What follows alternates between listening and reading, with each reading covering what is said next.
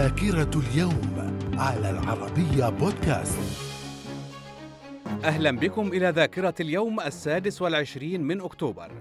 في عام 1905 استقلال النرويج عن السويد. في عام 1945 ظهور منظمة الأمم المتحدة بعد تصديق دستورها من قبل الأعضاء الخمسة الدائمين في مجلس الأمن.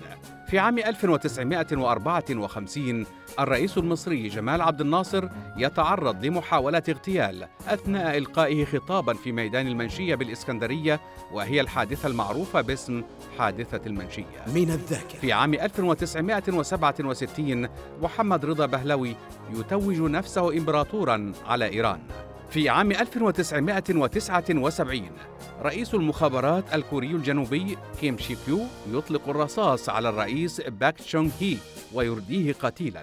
في عام 1995 اغتيال الدكتور فتحي الشقاقي في مالطا أثناء عودته من ليبيا من قبل الموساد الإسرائيلي. في عام 2002 انتهاء أزمة احتجاز 800 رهينة روسية داخل أحد مسارح موسكو من قبل المتمردين الشيشان وذلك بعد اقتحام القوات الخاصة الروسية للمسرح مستخدمة الغازات المخدرة.